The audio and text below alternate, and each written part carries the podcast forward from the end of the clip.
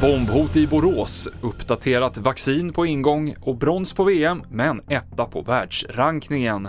Det är rubrikerna i TV4-nyheterna. en gymnasieskola i Borås har utrymts efter att ett bombhot riktats mot skolan, skriver Borås Tidning. En person har hämtats till förhör. Bakgrunden ska vara att någon på sociala medier uttalat önskemål om en attack mot den nu utrymda skolan. Men enligt polisen finns det ingen risk för att hotet ska verkställas i nuläget.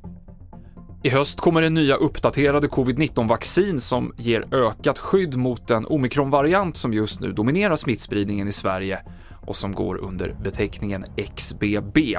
Säsongens vaccination startar 7 november och i nuläget rekommenderas personer med riskfaktorer på grund av sjukdom eller ålder att ta en spruta, men det här ses över och det kan komma ändrade rekommendationer.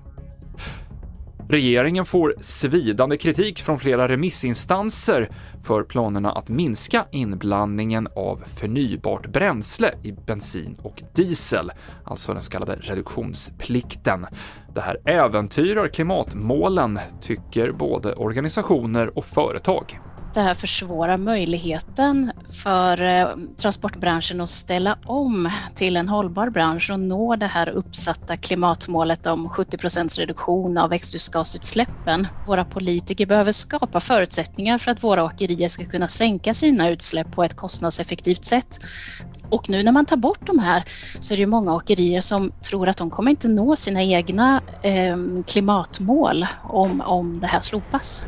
Jessica Björkqvist, senior produktchef för hållbarhet på Scania. Vi avslutar med sport, för Sveriges damlandslag i fotboll är för första gången etta i världen på Fifas nya rankning som släpptes idag. Spanien som vann VM-guld rankas som tvåa. Sverige tog ju bronset, men man slog USA och Tyskland som inför mästerskapet låg etta och tvåa på Fifas lista. Det här är första gången som ett svenskt landslag toppar rankningen. Och det avslutar TV4-nyheterna med Mikael Klintevall.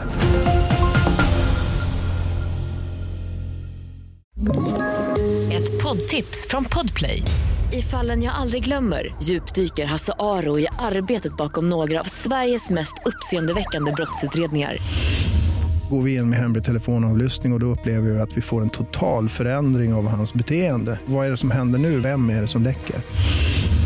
Och så säger han att jag är kriminell, jag har varit kriminell i hela mitt liv men att mörda ett barn, där går min gräns. Nya säsongen av Fallen jag aldrig glömmer på Podplay.